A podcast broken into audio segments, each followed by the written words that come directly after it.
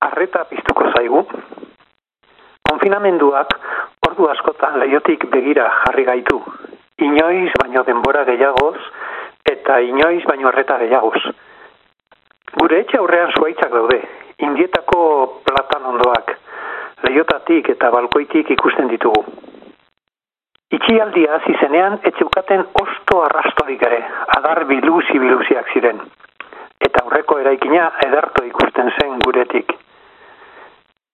Egunez egun ikusi dugu nola berdetu den. Kimu berdezkak hasi ziren ateratzen, denborarekin gero eta handiagoak bihurtu direnak. Gaur egun, osto gazte kolore bizikoak dira, eta aurreko etxea ia ia eskutatzen dute. Inoiz baino harreta gehiagoz jarraitu dugu etxetik prozesua egunez egun. Hainbeste urtetan konturatu gabe pasatakoaz, zehaztasun handiz ohartu gara oraingoan. Kalean, enkarguren bat egitera ibiltzean ere, dena begi arretatsuagoekin ikusten dugu. Espaloia bera, azten doan belarra, loratutako zuaizkak, itxita dirauten dendak, isilago eta bakartiago dago dena, giro berezian.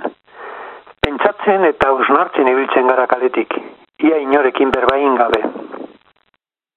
Begiratzea, arreta jartzea, lehen ere bazegoen gure esku, baina gehienok ez genuen egiten.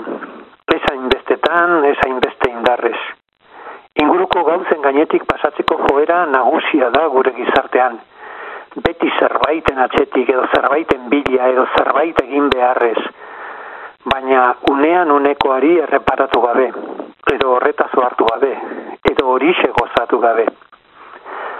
Arreta berreskuratzea ez litzateke itxialdiaren irakaspen txarra geurea egiten badugu. Eta horretan gaudela, geure benetako beharrak, geure benetako nahiak zeintzuk diren, ezagutzen lagundu aldigu konfinamenduak. Eta hau ere ez legoke ondorio txarra.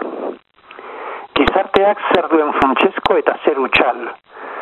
Zeintzuk izan beharko lidatekeen gure gizartearen antolaketaren oinarriak eta lehentasunak.